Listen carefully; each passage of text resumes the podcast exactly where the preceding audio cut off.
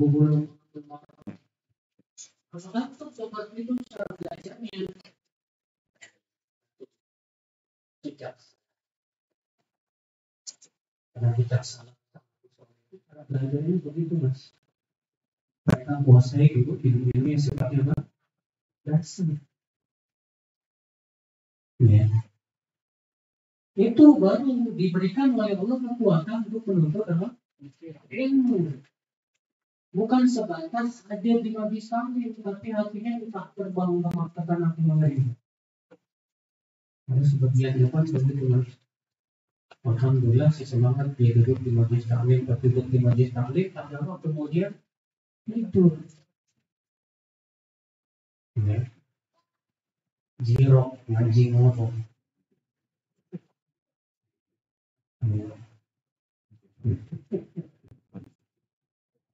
Yang biasa Dahulu mereka kalau ngaji itu ngaji taklim itu semua bawa kitab catatan. Ada kaidah kaidah di catatan. Ya. Kecuali Imam Bukhari, Bukhari beda. Imam Bukhari apa? Beliau duduk di hadis, guru-gurunya nggak pernah bawa buku catatan. Ditegur sama teman-temannya, teman-temannya.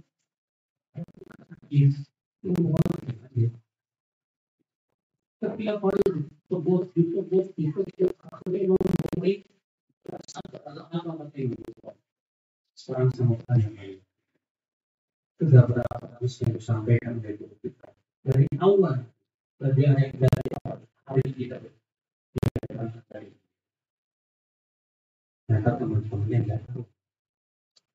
Imam Bukhari sudah 15 ribu kalau beliau bukan hari pertama hadisnya ini ini ini ini kedua hadisnya ini ini ini ini hadisnya ini ini ini masya Allah sampai-sampai yang tadi ngebenarin tulisan kita ini hafalan error tapi gayanya kayak Bukhari ya Nah ini makanya jadi yang kedua Allah berikan kepada kita kekuatan untuk apa? Ilmu. Ilmu. Bukan sebatas hadir, tapi menguasai. Ya. Kita ini yang sangat kita butuhkan adalah menguasai ilmu. Bukan sebanyak-banyaknya jurus di majlis taklim, bukan itu yang tapi menguasainya. Duduk majlis taklim, pahamnya salah. Tapi kalau ternyata untuk pulang dari majlis taklim dalam keadaan itu bagaimana saya apa yang disampaikan Ustaz tidak paham, tidak tahu. Allah a'lam.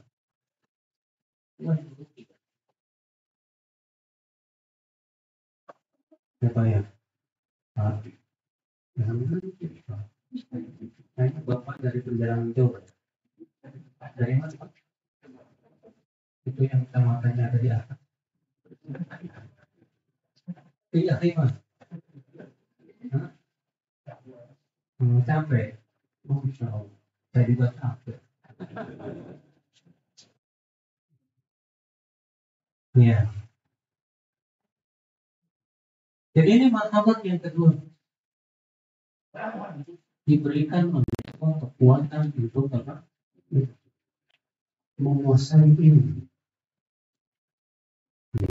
Jangan sampai 10 tahun ngaji, nggak ada peningkatan ilmu. Saya punya teman yang sama-sama ngaji sama saya. Ke mana-mana. Sekarang nggak ada peningkatan bahasa. Bisa, tidak bisa. Ya, tapi kalau seperti itu namanya kita menuntut ilmu nggak punya tujuan. Kita menuntut ilmu itu adalah aja. Sepuluh tahun ngaji, nggak ada target, percuma. Coba untuk target. Saya mau ngaji, gimana caranya saya bisa menguasai bahasa? Itu kuncinya dulu. Menguasai bahasa Arab, belajar nabu, belajar sorok, kemudian kita belajar berbagai macam ilmu yang sifatnya dasar. Nah itu kita aja. Allah berikan kepada tanpa kekuatan begitu Allah itu nikmat besar sekali. Iya. Kalau belum, berarti belum. Masih diberikan kenikmatannya kurang. Dan kita tentu ingin yang lebih sempurna. Ya mas ya. Ini sudah kelihatan apa yang tapi itu ada seru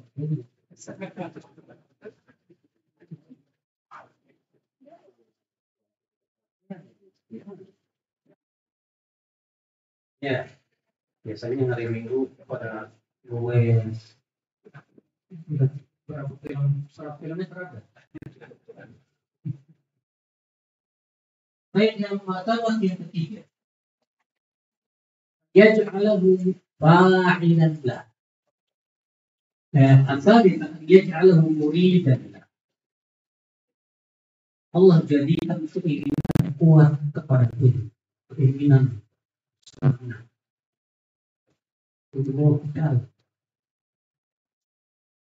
banyak orang yang keinginan kepada ilmu Islam tandanya apa? tanda orang yang keinginan kepada ilmunya lemah tandanya apa?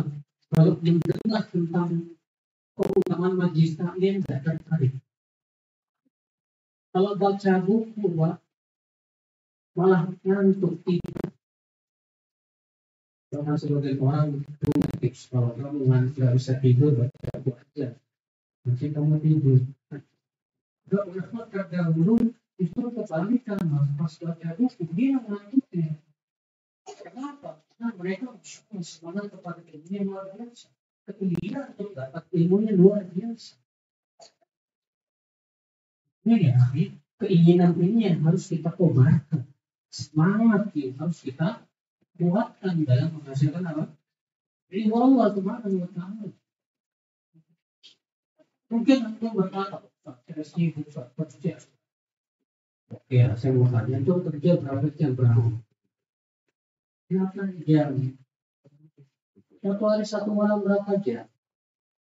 24 jam. Tidur malam berapa jam? 8 jam. Tidur pagi. Iya. Tidur malam 8 jam.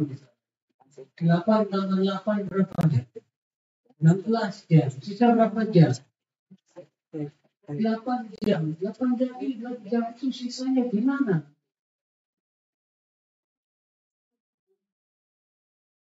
Gimana 8 jam lagi sih? Nanti istri yang benar. Bukannya sedekat istri yang bawa WA-an terus. Asal Islam. Itu pertama kita. Kita ini sebetulnya punya waktu ini. Antum setengah jam saja antum fokuskan untuk baca. Ya. Mungkin juga sama kita. Banyak-banyak. Satu hari setengah jam lagi dulu. Satu hari setengah jam, setengah jam. Asal setengah jam dimaksimalkan teman-teman. Kalau antum punya keinginan kuat dalam membuat ilmu, cabut. Tapi kalau tidak punya keinginan kuat, yang terpenting modal itu irada, keinginan. Kalau nggak ada keinginan susah. Dan orang saya biar bisa lebih beli itu. Ya. Tapi kalau nggak ada niat percuma. Pelit, yang dekat besar. Simpannya dekat telinga. Yang dua bunyi. Amat, semua kata dia.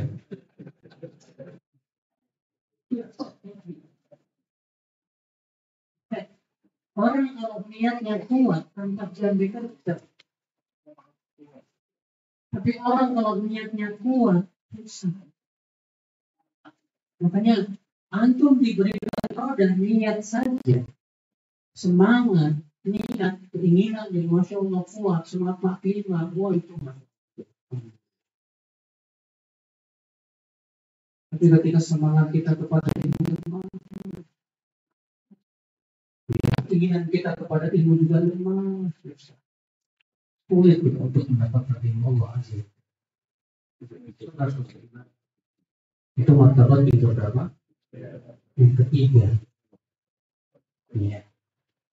Yaj'alahu muridan lah. Martabat yang keempat an yaj'alahu fa'ilan lah itu Allah jadikan ia berusaha mengamalkan ilmu. Nah ini setelah dia punya keinginan untuk menuntut ilmu, dia berusaha untuk menuntut ilmu, dia pun berusaha untuk mengamalkan ilmu Allah Subhanahu. Keinginan yang kuat, kemudian disertai dengan usaha yang luar biasa untuk mencari ilmu Allah Subhanahu wa taala. Lihat bahas uswah kita Nabi Musa alaihissalam adalah Musa ini macam ya orang Nabi ulul azmi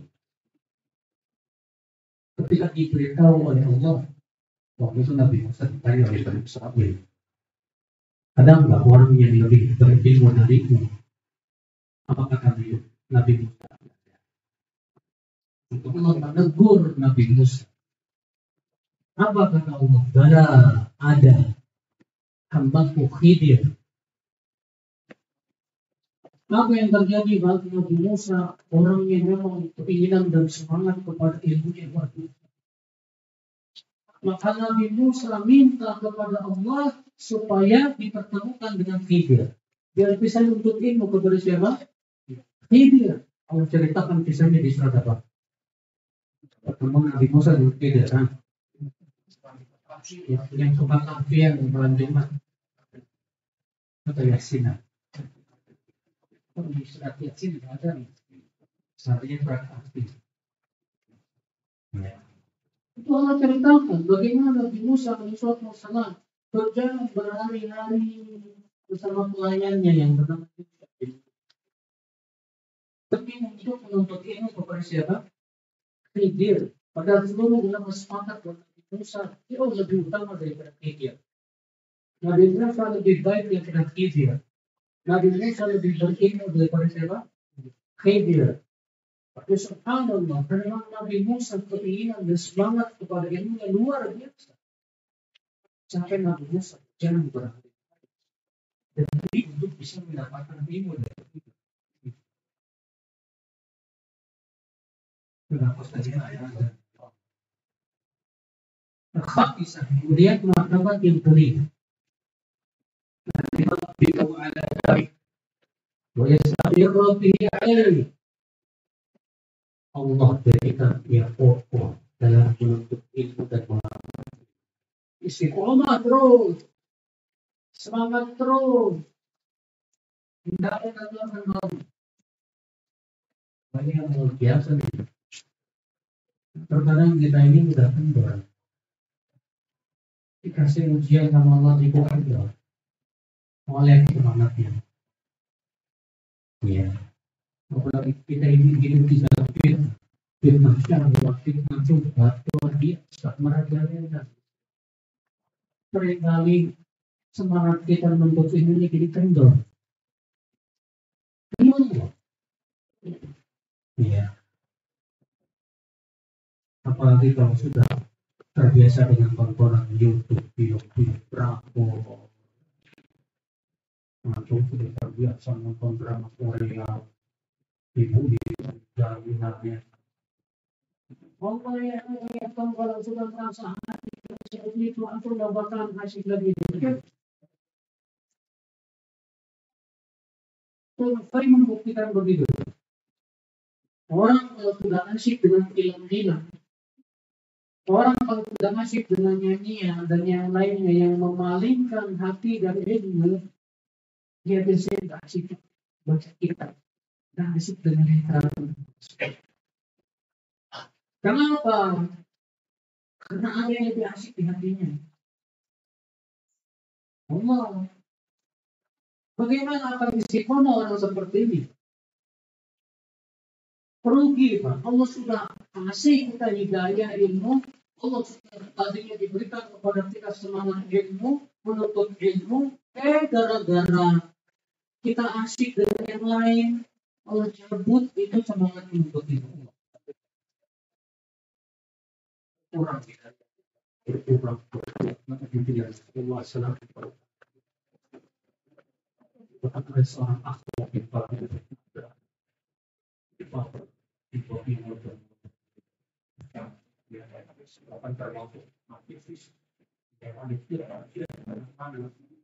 Maka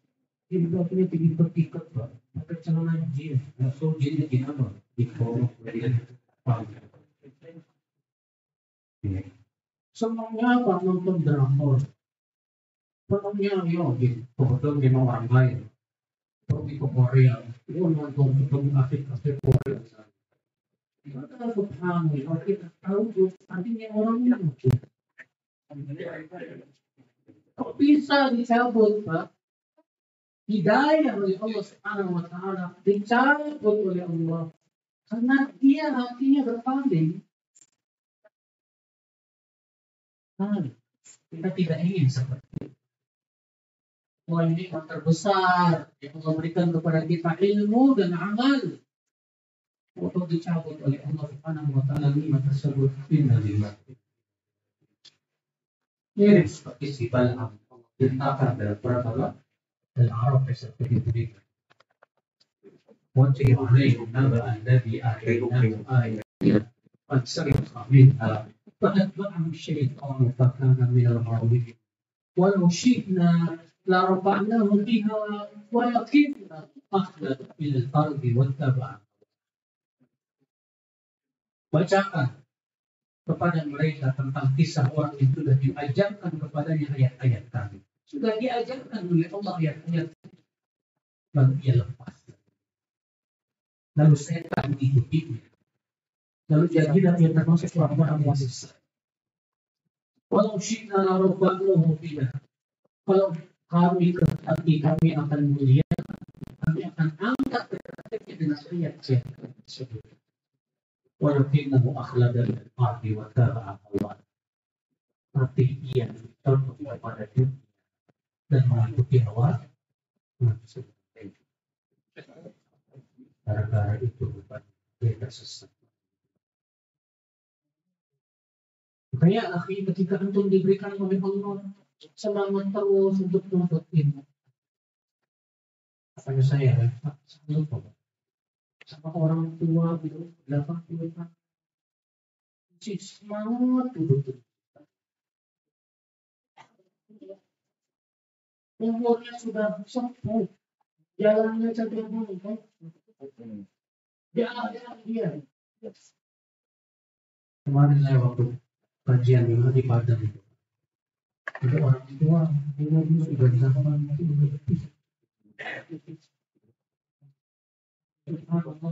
jalan kaki dari kampung demi hanya ingin untuk ilmu masih diberikan oleh Allah SWT ini kan jarang. Sampai keluarga diberikan oleh Allah SWT luar biasa. Ya. ini martabat juga berapa yang kelima. Diberikan oleh Allah istiqomah. Fokus gimana caranya supaya kita istiqomah terus dalam menuntut ilmu hendaknya kita cari teman-teman yang memang sama-sama semangat dalam menuntut ilmu. Jangan berteman dengan teman-teman yang tidak punya semangat untuk kan?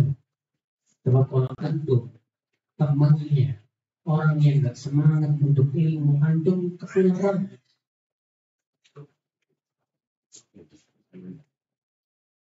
nah, yang namanya teman itu apa ya kira sangat pengaruh untuk hidup kita semua manusia itu apa kata suka mencuri jiwa orang. Kalau kita ketemu dengan orang yang malas, terkadang ketularan malas juga. Tapi kalau kita ketemu, ketemu sama yang semangat, masya Allah, kita jadi ketularan semangat. Mungkin sakitnya ini misalnya. Maka kalau antum punya teman yang ternyata antum lihat dia malas-malasan menuntut ilmu, itu antum tangan dari dia. Tak perlu antum jadikan teman dia. Teman sekedarnya itu nggak masalah. Tapi untuk dijadikan teman akrab, cari dan bersama-sama mau rajin untuk Ya. Cara musliman. Kemudian martabat yang keenam, sadis. An yasrifa anhu al-mawani wal awarif al-mudadah. Yaitu Allah palingkan dari penghalang-penghalang ilmu, dari tabir-tabir hidayah. Banyak sekali apa Islam yang bisa menghalangi kita dari menuntut ilmu, dari mendapatkan hidayah. Apa yang menyebabkan seorang terhalang dari hidayah? Banyak di antaranya yang pertama,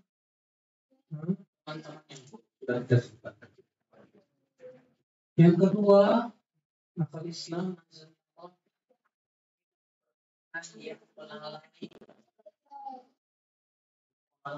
biasa di dalam sekarang ini asyik dengan bermedsos ceria Facebook TikTok ataupun yang lain. Kalau antum jadikan medsos medsos untuk wasilah menuntut ilmu luar biasa. Tapi sering kali kita disalahkan saudara. Ya. itu penghalang ya. Dari menuntut ilmu Allah dari hidayah di antara yang menghalangi seseorang dari hidayah saudaraku sekalian apa lagi ya di antaranya ya itu tergesa-gesa pengen cepat tampil kalau istilahnya sih masih matang sebelum waktunya ya. Ada sebagian orang begitu Pak, dan saya lihat sendiri dengan mata kepala. Karena dia memang sebelum lagi sudah ini sudah bisa jadi penceramah gitu Pak. Ya, ceramah sama ceramah sini, sampai dulu pas pagi sunnah, kalau dapat ilmu dikit, ceramah sana, ceramah sini, enggak berhenti ceramahnya Pak. Pada kewajibannya untuk ilmu dulu. Paham? Iya. Banyak itu Pak. Di bukan di sini kalau di sini saya nggak tahu. Sana jalur apa itu. Itu gelarnya LC langsung ceramah. Bahasa Arab nggak bisa. Iya. Ilmu-ilmu alat punya hanya sebatas dia pandai-pandai beretorika. Akhirnya, subhanallah, karena dia pandai ngomong itu, Pak. Jamaahnya banyak kalinya. Banyak Sukai, dan rata-rata mama. Supaya terus makhluk mama. Pas kita bilang, jangan kasih ke dia, kita yang salahin. Ah, Ustaz ini kok pinter. Dulu kan menasihatin kok ini nggak bisa bersandar. Untuk ilmu dari mana dia? Ya Rasulullah yang mengabarkan Nabi Muhammad bisa ambil tentang masalah ini dan asagir dan kata dari kiamat ini diambil dari asagir siapa asagir maka Syekh Albani itu orang yang dangkal ilmunya dia pun tidak bisa bahasa Arab belum punya ilmu Arab belum ada dan yang lainnya yang dibutuhkan untuk memahami Al-Quran dan hadis Nabi Shallallahu Alaihi Wasallam dia cuma langsung ceramah saja dengan saja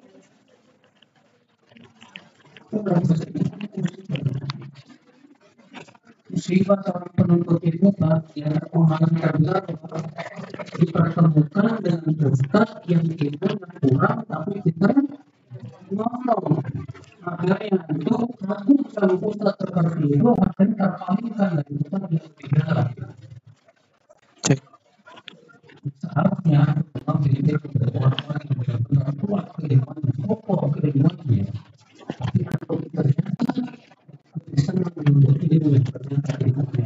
Cek, cek.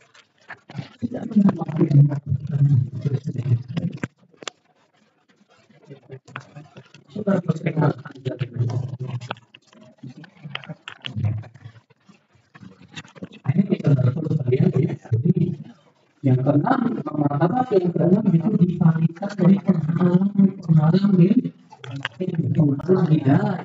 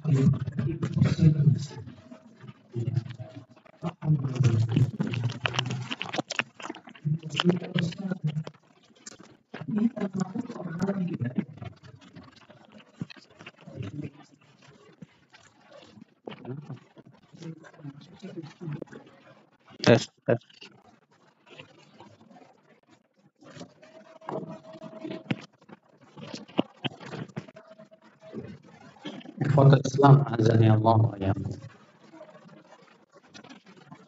As-sabi'ah, martabat yang ketujuh. An yahdiyahu fi tariqi nafsihi hidayatan khassa.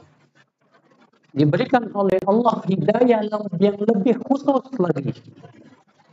Akhassu minal ula yang lebih khusus dari yang pertama. Fa'inal ula hidayah il tariqi ijmalan. Adapun yang pertama yaitu diberikan oleh Allah semangat menuntut ilmu secara global. Wahadi hidayah ya fiha wa fi manaziliha wa fi manaziliha tafsilan. Hidayah yang ini Pak lebih khusus daripada yang pertama. Kalau yang pertama sebatas diberikan semangat menuntut ilmu, tapi yang ini tidak. Lebih khusus lagi. Dia senang sekali untuk memperdalamnya. Setiap pembahasan dia bahas baik-baik. Dia terperinci. Ya, setiap permasalahan cari pendapat ulamanya. Dia cari dalil-dalilnya. Dia lihat mana yang paling kuat daripada dalil. Wah ini Masya Allah. Pak. Ini berarti diberikan oleh Allah apa? Hidayah yang lebih khusus. Ini, Pak. Kita-kita yang baru ngaji sana sini masih diberikan hidayah sifatnya apa? Umum. Tapi ketika kita semakin dalam ilmunya, semakin kita senang sekali Pak. Ada suatu permasalahan dia bahas secara dalam, detail dan yang lainnya. Tapi ini Masya Allah nih Pak. Ini jarang orang seperti ini Pak. Ya. Kota Islam, Azza Allah wa Samina. Martabat yang kedelapan, an yushidahul maqsuda fi tariq.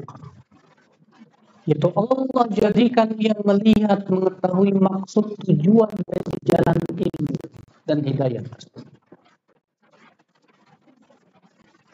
Ketika diberikan oleh Allah Subhanahu wa taala ya akal Islam ilmu tentang maqasid syariah, maksud tujuan daripada syariatan. Di sinilah dia mulai diberikan oleh Allah kepakihan dalam agama. Dia fakih dalam melihat larangan, dia melihat bukan sebatas ini dilarang haram saja, Pak. Tapi dia melihat juga kepada ilatnya apa. Apa yang diinginkan darinya. Apa alasannya. Apa yang sama dengannya. Ini makosid. Makosid yang membutuhkan kepada? Kepakihan, pemahaman. Ketika Allah beri, berikan perintah, dia misalnya sholat, dia paham apa yang diinginkan dari sholat, bukan melaksanakannya. Tapi hakikat daripada sholat itu ya akhwat Islam, setelah kita mengamalkannya adalah yaitu menimbulkan ketundukan yang luar biasa kepada Allah dan kedekatan kepada Allah serta ketakwaan. Iya. Allah berfirman inna sholat fahsya'i wal munkar. Ketika seseorang paham maksud tujuan yang diinginkan dari sebuah apa? Pensyariatan di situlah kaki kefakihan itu Masya Allah. Beda dengan orang yang tidak paham, yang penting saya sholat lah, yang penting saya zakat, yang penting saya puasa. Dan paham tujuan yang Allah inginkan dari itu apa.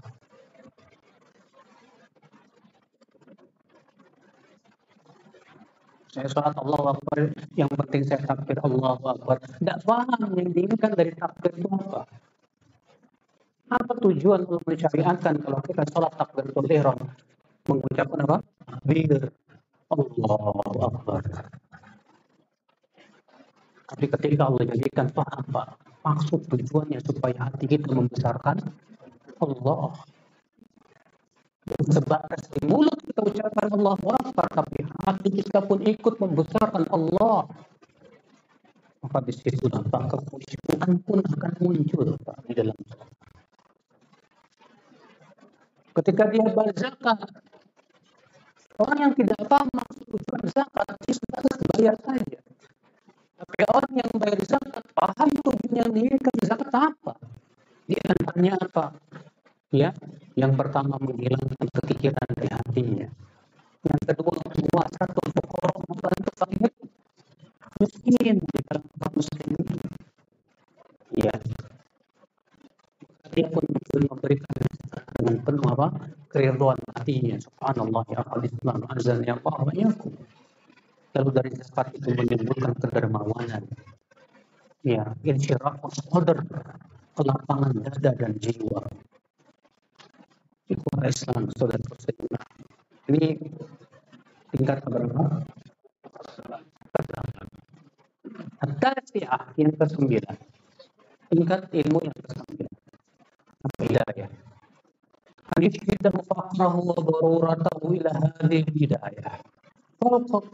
Darurah. Itu Allah jadikan hatinya fakir, merasa sangat butuh kepada ilmu sehingga ilmu jadi kebutuhan dia Pak. Bayangkan Pak, kalau antum merasa butuh makan gimana? Pasti antum makan berusaha nyari kan? Kenapa kebutuhan loh Pak? Jangan juga antum cari duit semangat Masya Allah bisa tahun kayak apa? Dua, tiga, wah, bahkan lembur. Kenapa? Butuh mas butuh fulus. Karena kita jadikan itu kebutuhan, di situlah kita akan merasa butuh. Kalau kita dijadikan oleh Allah merasa fakir dan butuh kepada ilmu, wallahi akhi antum akan cari ilmu seperti antum cari dulu. Bahkan lebih dari itu. Masa saya demi cari duit saya bisa ngelembur, cari ilmu saya nggak bisa ngelembur harus bisa ngelembur dong ya Ikhwan Islam, Allah Pertanyaannya, kita sudah merasa seperti itu enggak Pak? Ketika mencari ilmu, kita memang merasa butuh banget sama ilmu. Kita butuh sama ilmu, saudara. Iya. Al-Asyirah yang ke-10. Yang terakhir. Hidayah. An yushidahu tariqain al-munharifain. An tariqiha itu kita diperlihatkan oleh Allah jalan-jalan yang menyimpang dari hidayah. Apa itu?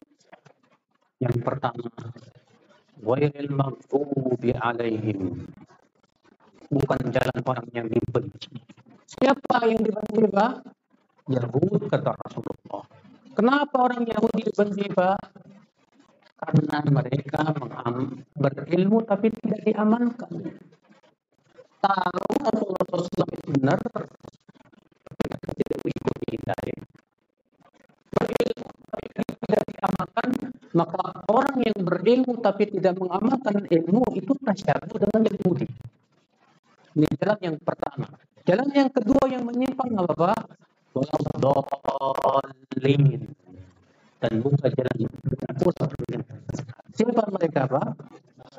Kenapa mereka tersesat Pak? karena mereka beramal tanpa ilmu. Maka ketika kita diberikan oleh Allah Subhanahu wa taala keselamatan dari dua jalan ini Allah ini nikmat yang agung. Ini siratal mustaqim. Siratal ladzina an'amta 'alaihim ghairil maghdubi 'alaihim waladdallin. Maka siapa yang memiliki sepuluh martabat ini kata Ibnu Qayyim akan sempurna ia dapat hidayah dari Allah. Dan siapa yang kehilangan salah satunya maka ia tidak sempurna mendapatkan hidayah dari Allah Subhanahu wa taala. Maka perhatikan dari kita, Pak. Apakah kita ingin mendapatkan hidayah atau tidak? Atau ingin mendapatkan hidayah yang sempurna atau hidayah yang kurang? Ataukah kita memang tidak peduli dengan hal-hal seperti itu? Kalau kita ternyata tidak peduli apa Islam, ucapkan innalillah wa inna ilaihi rajiun. Karena berarti kita sudah terkena musibah Allah. Maka ya Islam. Apalagi sekarang zaman fitnah, Mas. Kebutuhan kita kepada ilmu, kepada sunnah, kepada ilmu Allah ini luar biasa. Bagaimana dalam hadis ya Rasulullah SAW kata Rasulullah SAW Inna zaman kathir fuqaha'u qalil fuqaha'u kathir muqtu qalil al-amalu fi khair min al-ilm kalian berada di zaman yang ulamanya banyak, penceramahnya sedikit, yang minta minta sedikit, yang memberinya banyak, dan beramal di zaman itu lebih baik daripada berilmu. Dan nanti akan datang zaman Rasulullah kecil khutbah banyak penceramahnya, tapi sedikit ulamanya.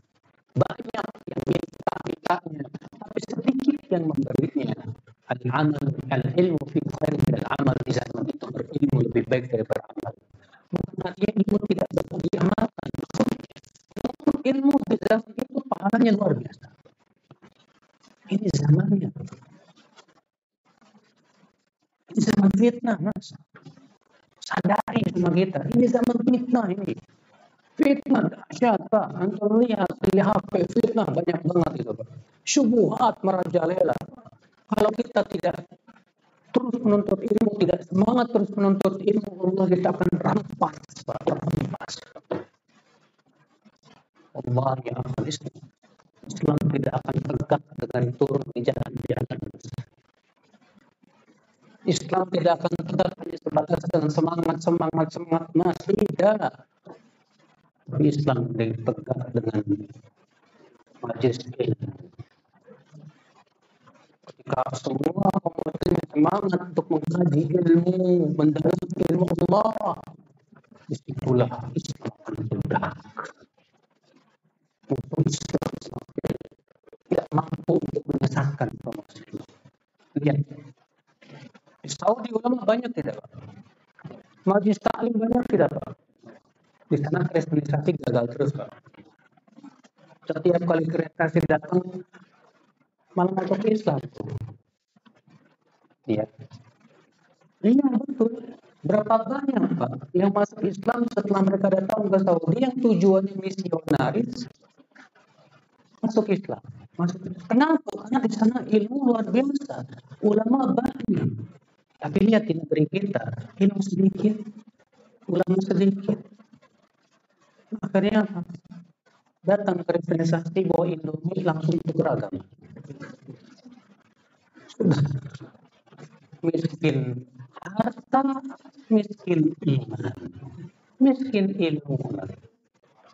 Maka di sini akhi, musuh-musuh Islam tuh nggak suka kaum muslimin datang ke taklim, nggak suka mereka. Mereka paling mereka sadar banget bahwa majelis taklim itu adalah ruh Islam. Situlah kaum muslimin akan ketika Islam taklim duduk apa? Ya, ceramah dan yang lainnya, oh, mereka takut banget itu pak. Mereka takut pak. Iya.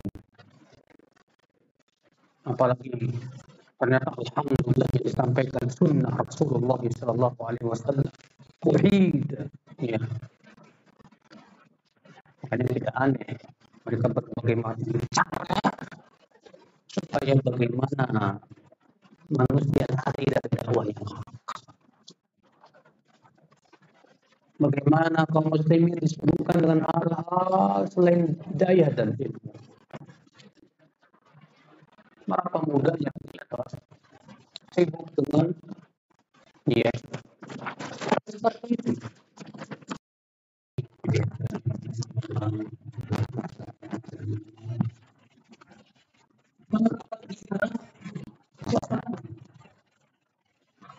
Kita setiap kita ini punya tanggung bersama.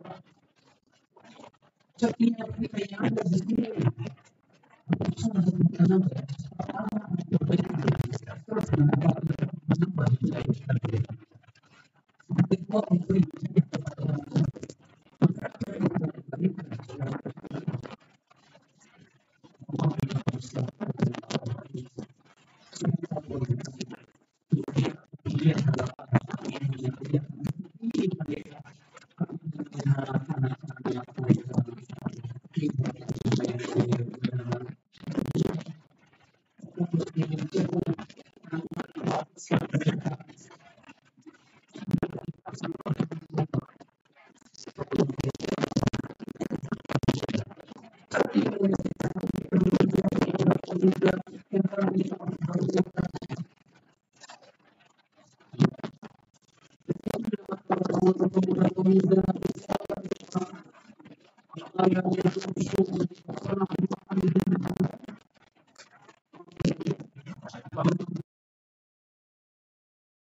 Sampai katanya ketuanya itu yang paling lama nggak mandi, Pak. Dan mereka bangga itu, Pak. Bangga dengan seperti itu, Pak.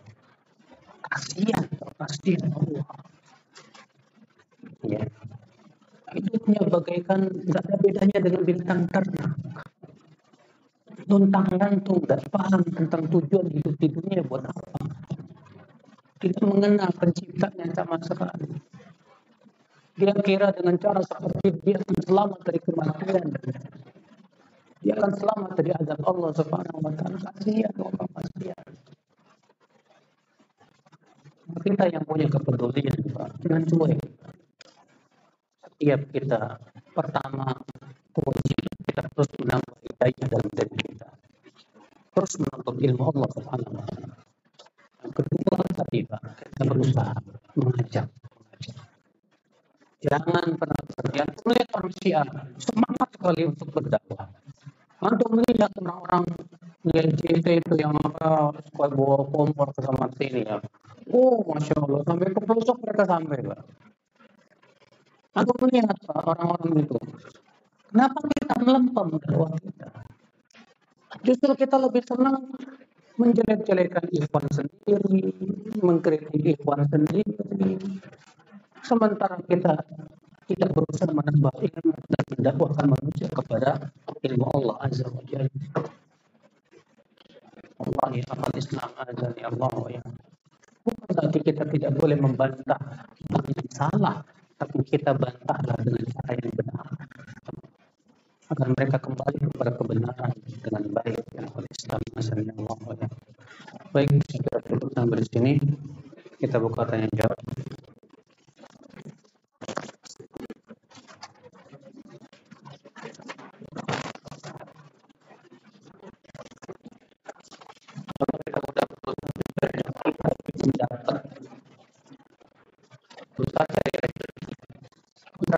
dapat terus itu malah gibahin suami sendiri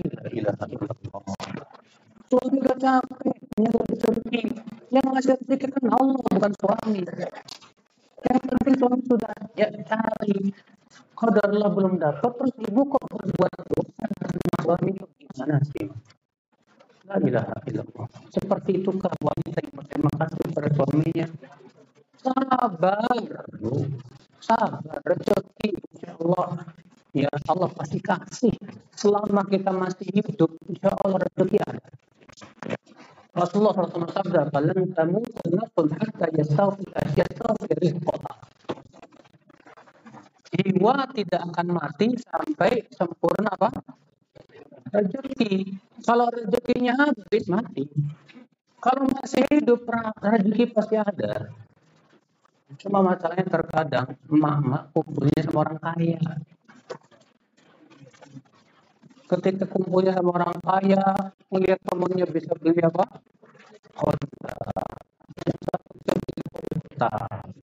Yang satu beli Mitsubishi. Pas melihat suaminya kere, ya Allah. Mas, mas. Ya. Kok nggak bisa ngebahagiain saya, mas? Kenapa? Karena selalu melihat kepada yang lebih tinggi masalahnya, Mbak. Bu. Ya. Lalu yang dilihat yang lebih enak hidupnya jangan kata Rasulullah? Unzuru ila man huwa asfala minkum. Wa la tanzuru Lihat kepada orang yang nasibnya lebih buruk dari kamu.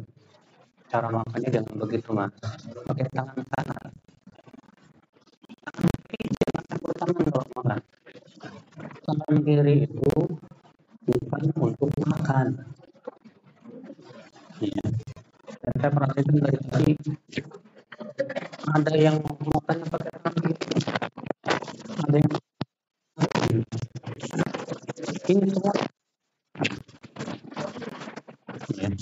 ini semua harus sesuai sunnah yang sesuai sunnah pakai tangan apa kanan ya ada lagi pakai tangan kanan makannya pak minumnya pakai tangan kiri sudah tidak cerewet dalam hal ini harus pak karena hukumnya haram pak bukan hukumnya sunnah ini haram ini maksudnya tasyabuh dengan setan karena kasihan ente ke apa jadi kayak setan Baik.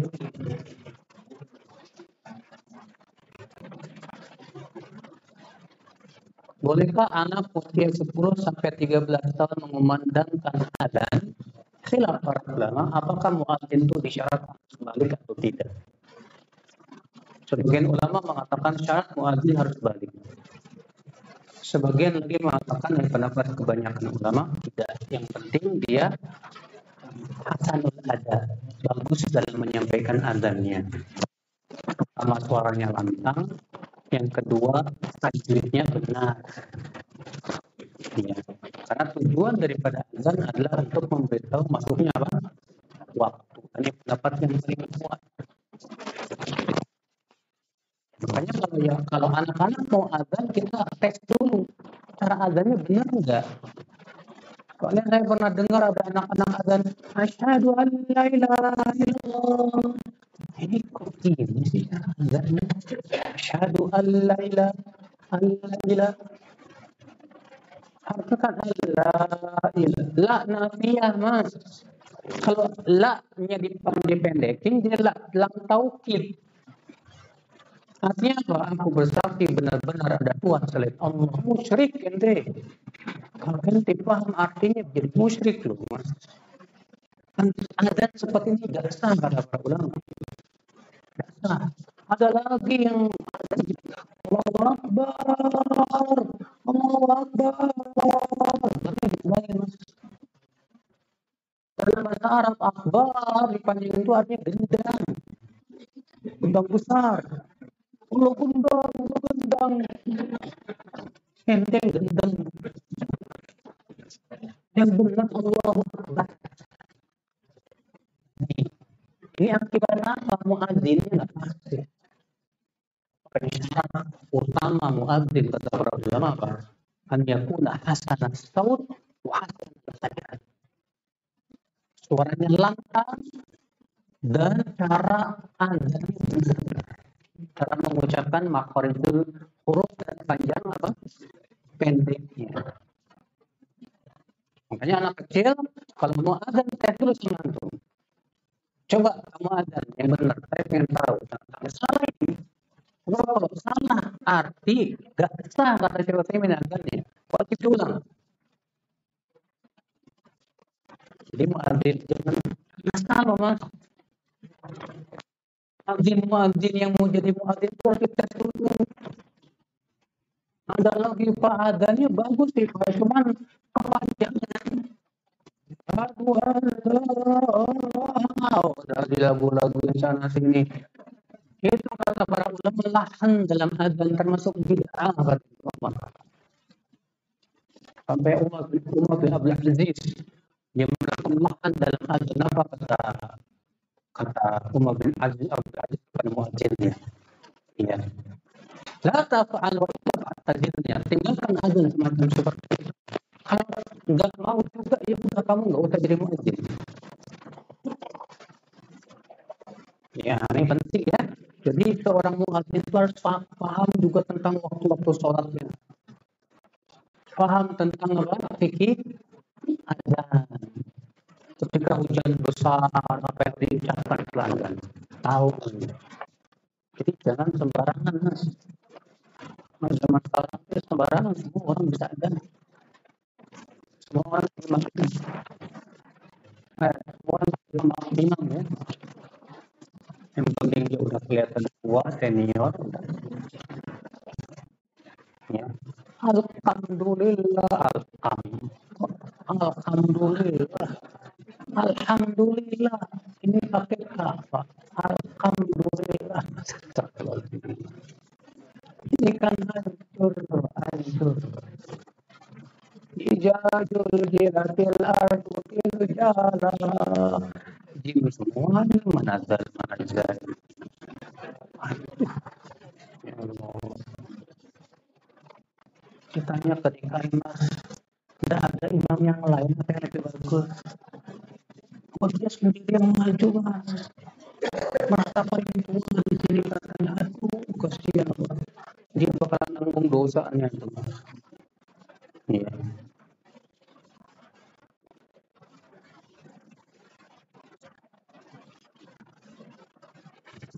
Berikan nasihat untuk kami agar bisa saling menyemangati dalam menuntut ilmu dan rumah tangga besar. Terkadang suami putur, kemudian istri ikut putur atau musik begitu. Ya, tapi inilah memang ini. Saling sawasi bil dan sawasi bil harus ada Ketika istri melihat suami kotor, jangan ikut kotor. Tapi berusaha bagaimana menyemangati lagi suami. Ketika suami melihat istri mulai kotor, semangati lagi istrinya. Karena kalau semua suami rumah tangga ini tidak saling membantu dan ketaatan, ini rumah tangga yang nggak berkah, mas. Tujuan adanya rumah tangga itu tujuan di antaranya apa? Untuk saling membahu membahu dalam apa? Kebaikan dan ketaatan. Makanya Umar bertanya kepada Rasul, ya Rasulullah, ya, wahai Rasulullah, maka yang maktanazahul mar'u harta apa yang terbaik bagi seorang laki-laki? Apa kata Rasulullah? Khairu maktanazahul mar'u lisanun dhukur wa qalbun syakur wa zawjatun salihah tu'inu ala ta'atillah. Sebaik-baik harta yang dimiliki oleh seorang suami adalah lisan yang selalu berzikir, hati yang selalu bersyukur, dan istri salihah yang membantu dia untuk menaati Allah Azza wa. Baik-baik harta yang dimiliki oleh apa? Suami sudah. Istri yang membantu dia untuk menaati Allah. Nanti sebaik-baik suami buat wanita juga apa? Suami yang membantu istri untuk menaati apa? Allah Subhanahu wa taala saling mengingatkan. Makanya Rasulullah SAW rahimallahu ra'an qama min al-lail fastayqadha. Semoga Allah merahmati laki-laki yang bangun malam lalu dia sholat malam. Summa ayqadha ayqadha ahla. Kemudian dia bangunkan istrinya. Kalau dia ternyata nggak bangun, rasya di Dia air di wajahnya. Coba antum kalau digituin marah? Jujur, jujur, marah? Pasti marah. Ngajar kau deh. Oke, enak-enak tidur. Istri durhaka kau. Kalau suaminya tahu, Masya Allah istriku makasih ya. Iya. Justru ini Pak, yang dibutuhkan itu pendamping itu mau membantu kita untuk menaati kalau ada punya pendamping dan malah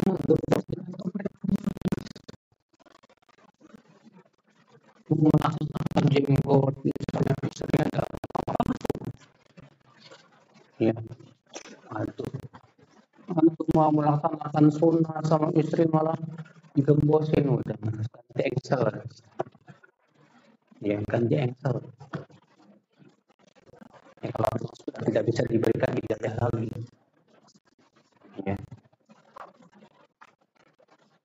apa hukumnya mengubur muslim pemakaman campur pemakaman campur baur muslim kafir? Tidak boleh. Oleh Rasulullah Sallallahu Alaihi Wasallam. Rasulullah SAW menyuruh muslim perkuburannya harus dibedakan dengan perkuburan apa? Non muslim. Tapi masalahnya di zaman orang-orang liberal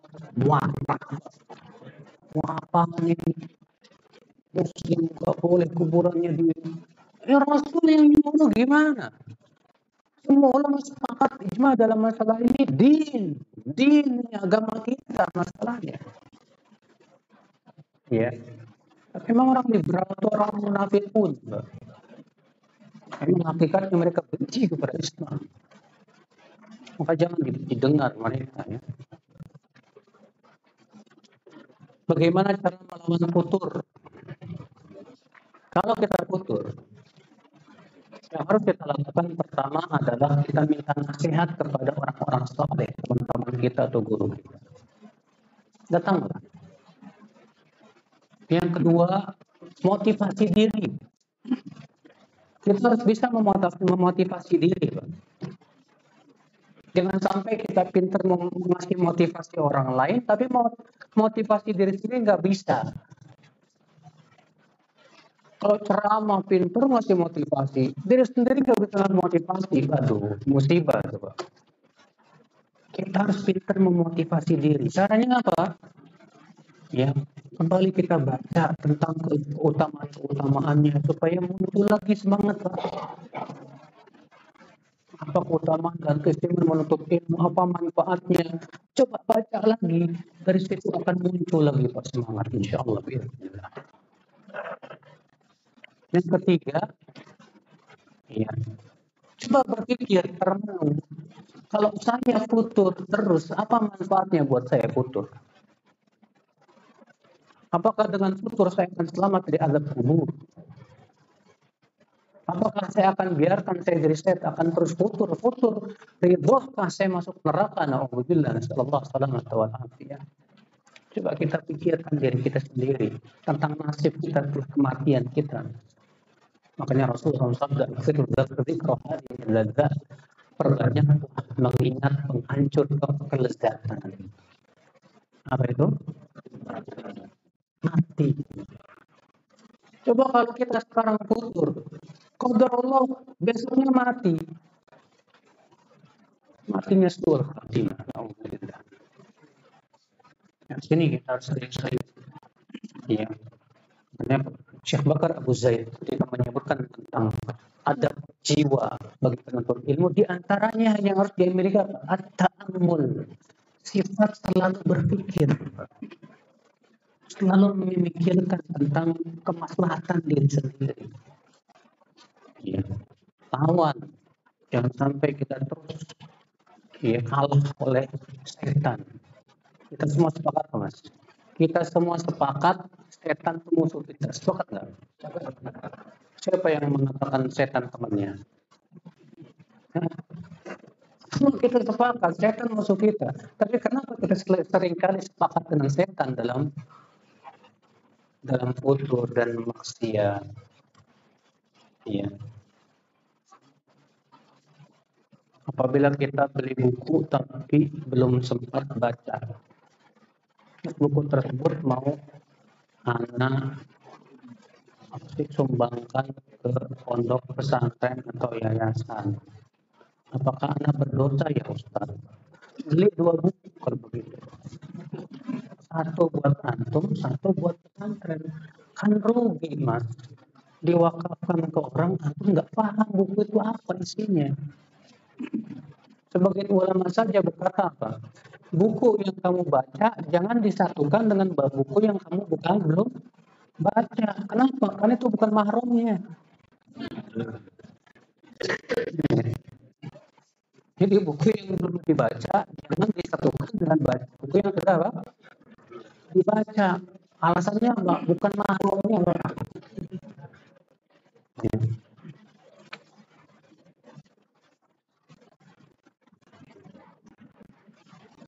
Apa yang usah dengan wajib menuntut ilmu? Di sini yang dimaksud itu ilmu agama, ilmu ilmu dunia, ilmu agama dulu. Yang wajib dituntut itu ilmu agama dulu. Ilmu dunia itu ngikut, Kenapa? Ilmu, ilmu agama. Karena antum di kuburan nggak bakal ditanya tentang rumus matematika. Malaikat mungkar dan nakir nggak bakal nanya apa rumusnya kimia. Siapa Apa agamamu? Siapa nabimu? Itu yang ditanya di kuburan. Itu yang harus kita pelajari, Pak. Iya. Nah, baru kemudian setelah kita paham tentang dasar-dasar dasar akidah, tauhid itu yang sifatnya fardu ain, antum mau belajar ilmu dunia silakan gak masalah selama ilmu dunia ini pertama apa mendukung agama antum masalah untuk kaum muslimin yang sifatnya fardu kifayah ilmu kedokteran ilmu matematika ilmu-ilmu yang memang itu kan fardu kaum muslimin silakan saja nggak masalah kemudian lebih mengagungkan ilmu dunia dibandingkan ilmu agama antum tertipu Allah. Karena ilmu agama pelajaran tentang siapa? Tentang Allah dan syariatnya. Ilmu dunia tentang apa Pak? Tentang makhluk Allah. Kemuliaan ilmu itu ditentukan oleh yang dipelajarinya apa. Kalau yang dipelajari tentang Allah dan syariatnya itu ilmu paling mulia. Karena Allah yang maha mulia. Sedangkan makhluknya tidak mungkin sama dengan Allah Subhanahu wa taala ya.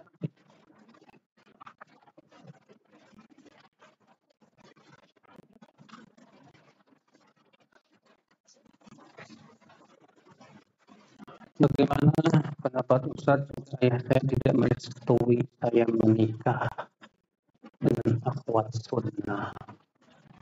Bolehkah saya minta restu? Kalau laki-laki mah bebas, Pak.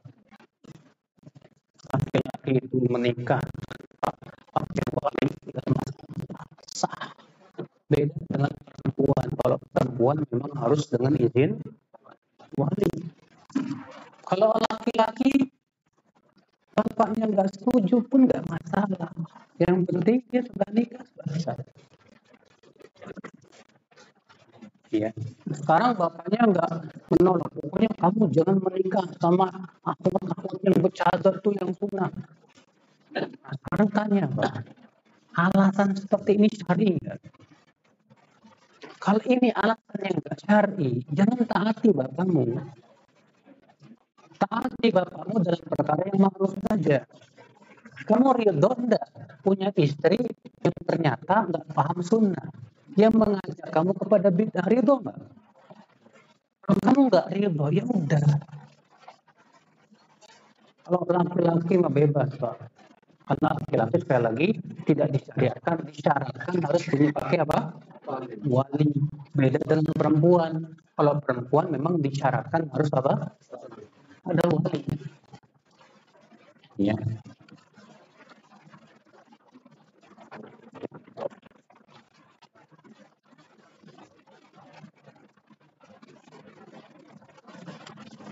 Untuk poin yang keempat bisa diulang. Poin yang keempat tadi ya.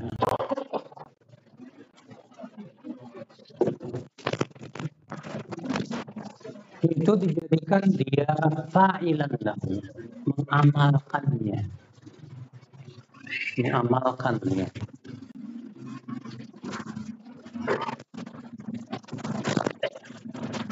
Tadi di poin kelima ada ayat Al-Quran surat Al-Araf surat berapa?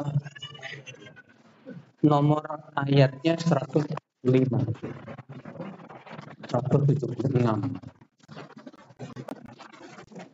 Bagaimana pendapat Ustaz mengenai metode belajar malam? Memang begitulah masalah terdahulu.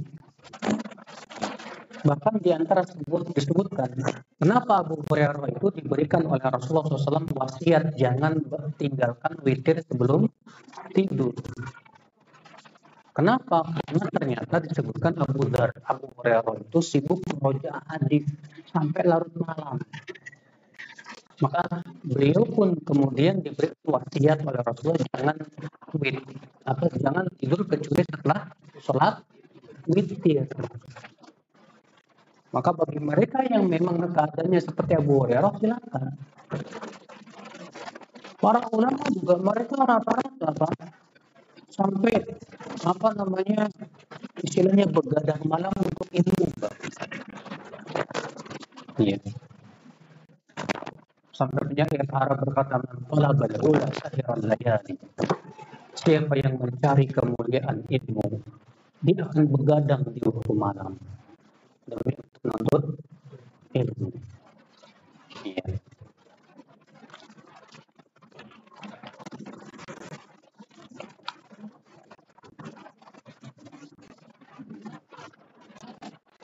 Suami sudah selalu berusaha menuntut ilmu, akan tetapi terkadang masih melanggar. Jadi kadang malah menggibah, menggibahi suami.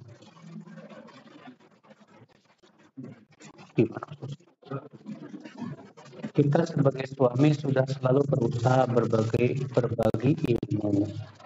Oh kita sebagai suami sudah berusaha berbagi ilmu, tapi terkadang masih melanggar. Maksudnya melanggar siapa? Istrinya. Seperti kadang malah menggibahi suami. Kok kayaknya mirip dengan yang pertama tadi ya? Istrinya suka gibahin suami.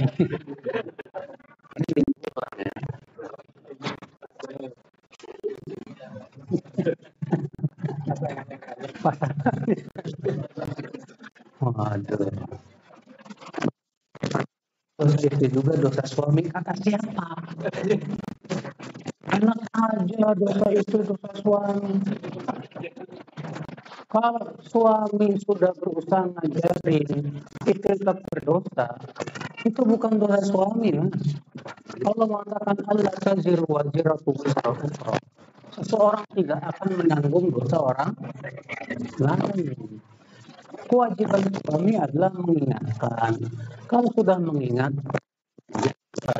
masa dosa istri, dosa suami, ini kaidah dari mana mas? Ya, nggak ada. Dan apabila terus menerus dia berbuat dosa, apa bertambah, bro, tukar tambah. tukar tambah. Maksudnya gimana ini mas? Nikah lagi? Ya monggo, silakan kamu nikah lagi. Ya, bilang mah kamu ini kok mau berubah berubah mah senangnya gibain aku terus sudahlah saya mau kawin lagi saya mau cari wanita soleha ya ya udah mas kalau kamu kawin lagi ceraikan aku. Ya ini yang mau kawin lagi terkadang digituin langsung ombak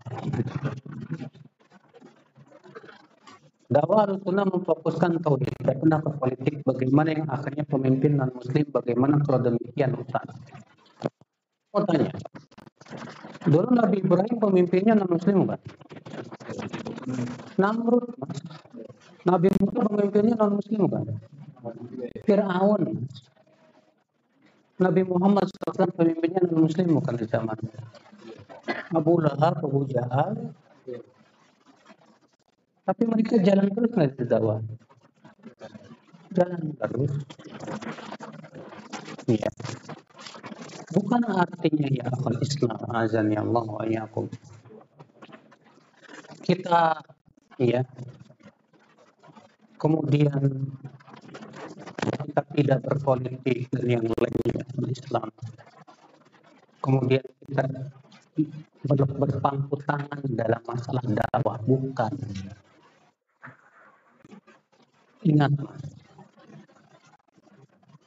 kalau kita sibuk dengan politik dan masuk dengan dalam kancah politik, susah untuk istiqomah.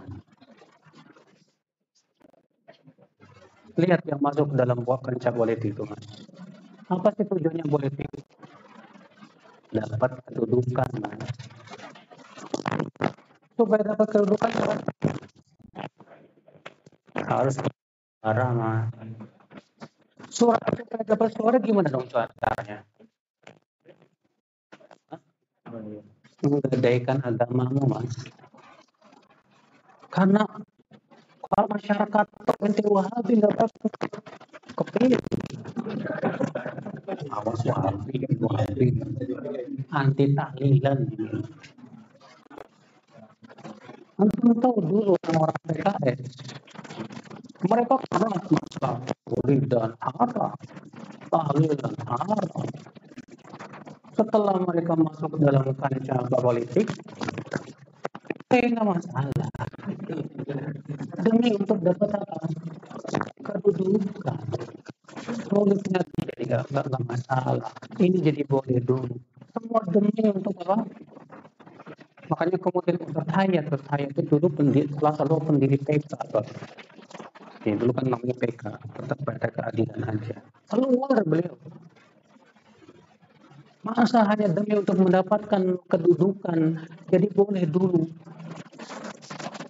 Yang dulu-dulu mereka jelas mereka katakan itu bid'ah. Dulu sebelum mereka masuk ke politik. Mungkinkah kita bisa menegakkan agama Allah dengan cara menghancurkan agama Allah itu sendiri? demi hanya untuk mendapatkan kekuasaan la wallah nggak bakal berkah seperti ini mendingan kita ngikutin gaya apa para dakwahnya para nabi selesai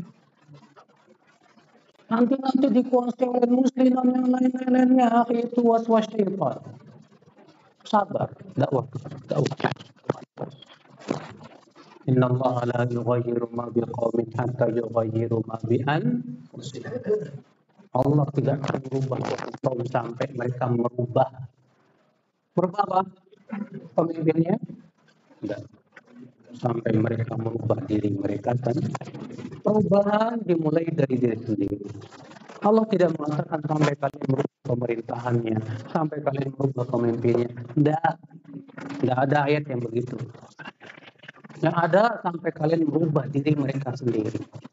Tapi perubahan harus dari setiap kita, individu kita. Kalau semua sudah berubah, Pak, Allah akan berikan pemimpin yang sama. Karena pemimpin dalam Islam itu, Pak, pemimpin itu adalah cermin rakyat. Artinya, kata para ulama, kalau rakyatnya soleh, Allah kasih pasti pemimpin ya Pak, yang soleh. Kalau rakyatnya cinta keadilan, walaupun mereka kafir, Allah berikan pemimpin yang adil. Iya. Tapi kalau rakyatnya zalim walaupun mereka muslim, Allah kasih pemimpin yang zalim.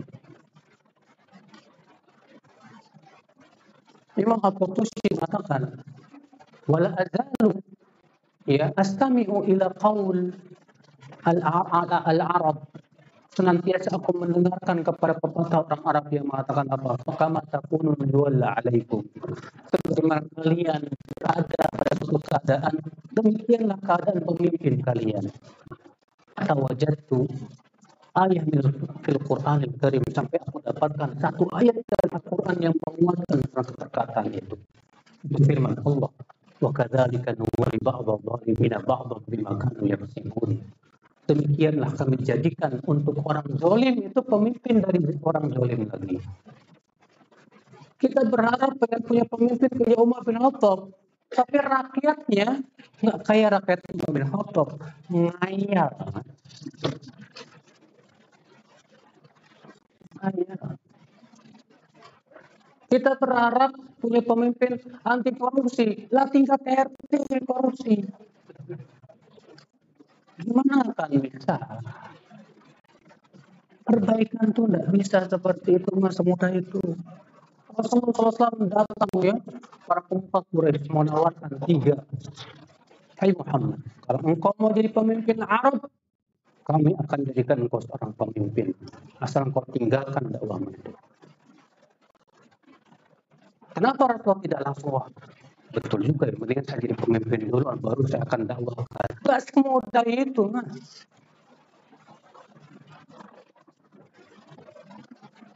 Rasulullah SAW tetap berdakwah. Berat memang menghadapi berbagai macam tantangan, rintangan dan yang lainnya. Demi untuk apa, Pak? Demi supaya manusia semua mati di atas tauhid supaya manusia masuk surga itu tujuan dakwah para nabi itu saja sudah nggak muluk-muluk. Kita tujuan dakwahnya bukan untuk menegakkan khilafah atau daulah tidak tujuan dakwah kita adalah agar orang wafat di atas tahu tauhid masuk surga alhamdulillah. Agar orang mau ittiba kepada Rasulullah sallallahu alaihi wasallam alhamdulillah. Yaitu merupakan praktek daripada asyhadu an la ilaha illallah wa asyhadu anna muhammadar rasulullah. Itu dakwah kita saudaraku sekalian. Ya. Kalau qadar Allah Allah berikan kepada kita pemimpin yang non muslim, tetap kita sabar dan tetap berdakwah. Kalau kita dihalang-halangi, tetap dakwah. Seperti hanya dahulu para nabi berdakwah. Memangnya Allah Allah diem aja.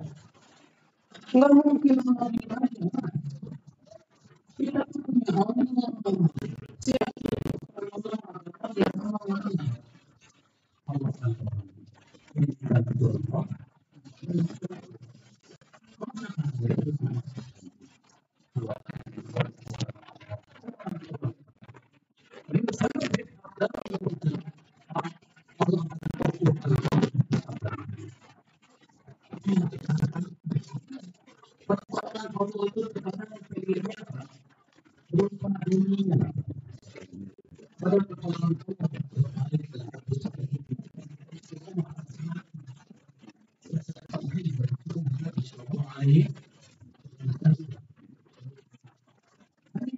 Dan orang-orang ini, tidak ada tujuan untuk menjadikan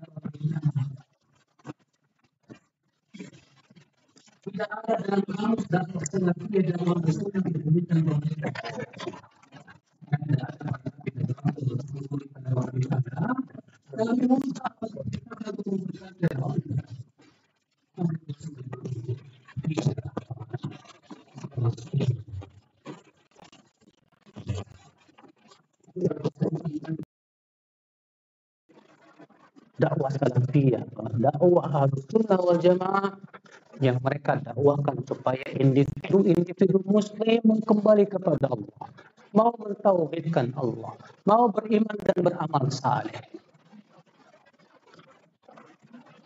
Supaya apa? Supaya para rakyatnya udah berubah, Allah kasih juga pemimpin yang yang baik, yang cocok. Ini yang harus kita usahakan. Perubahan ini harus dimulai dari diri kita sendiri. Bayangkan kalau kita berdakwah, berdakwah dan ber, dan pasti Pak, ketika berdakwah semakin besar, rintangan pun semakin berat. Biasanya begitu. Karena setan nggak bakal berhenti juga untuk menggoda manusia, menghalang-halangi. Tapi harus dilakukan, Pak. Dilakukan. Tujuan apa? Islah. Kita ingin memperbaiki. Kita ingin punya pejabat yang betul-betul amanah, jujur, bagus. Maka kita ingin perbaiki orang-orang yang yang mudah-mudahan mereka diberikan oleh Allah amanah seperti itu. Ya. Itu yang kita inginkan cuma ingin memperbaiki saja. Yang rusak, yang sudah dirusak oleh manusia ini kita harus perbaiki. Tapi masalahnya itu Pak, banyak yang nggak suka diperbaiki masalahnya. Maunya agama kita rusak, punya jauh dari Allah. Ya, ya sabar. Ya, hasil itu kan bukan urusan kita yang kita sudah berdakwah yang tanggung jawab kita di hadapan Allah sudah selesai alhamdulillah Baik, semoga yang sampaikan bermanfaat Bapak Ibu sekalian. Mohon maaf bila ada kata-kata yang tak berkenan di hati. Wabillahi taufiq. Assalamualaikum warahmatullahi wabarakatuh.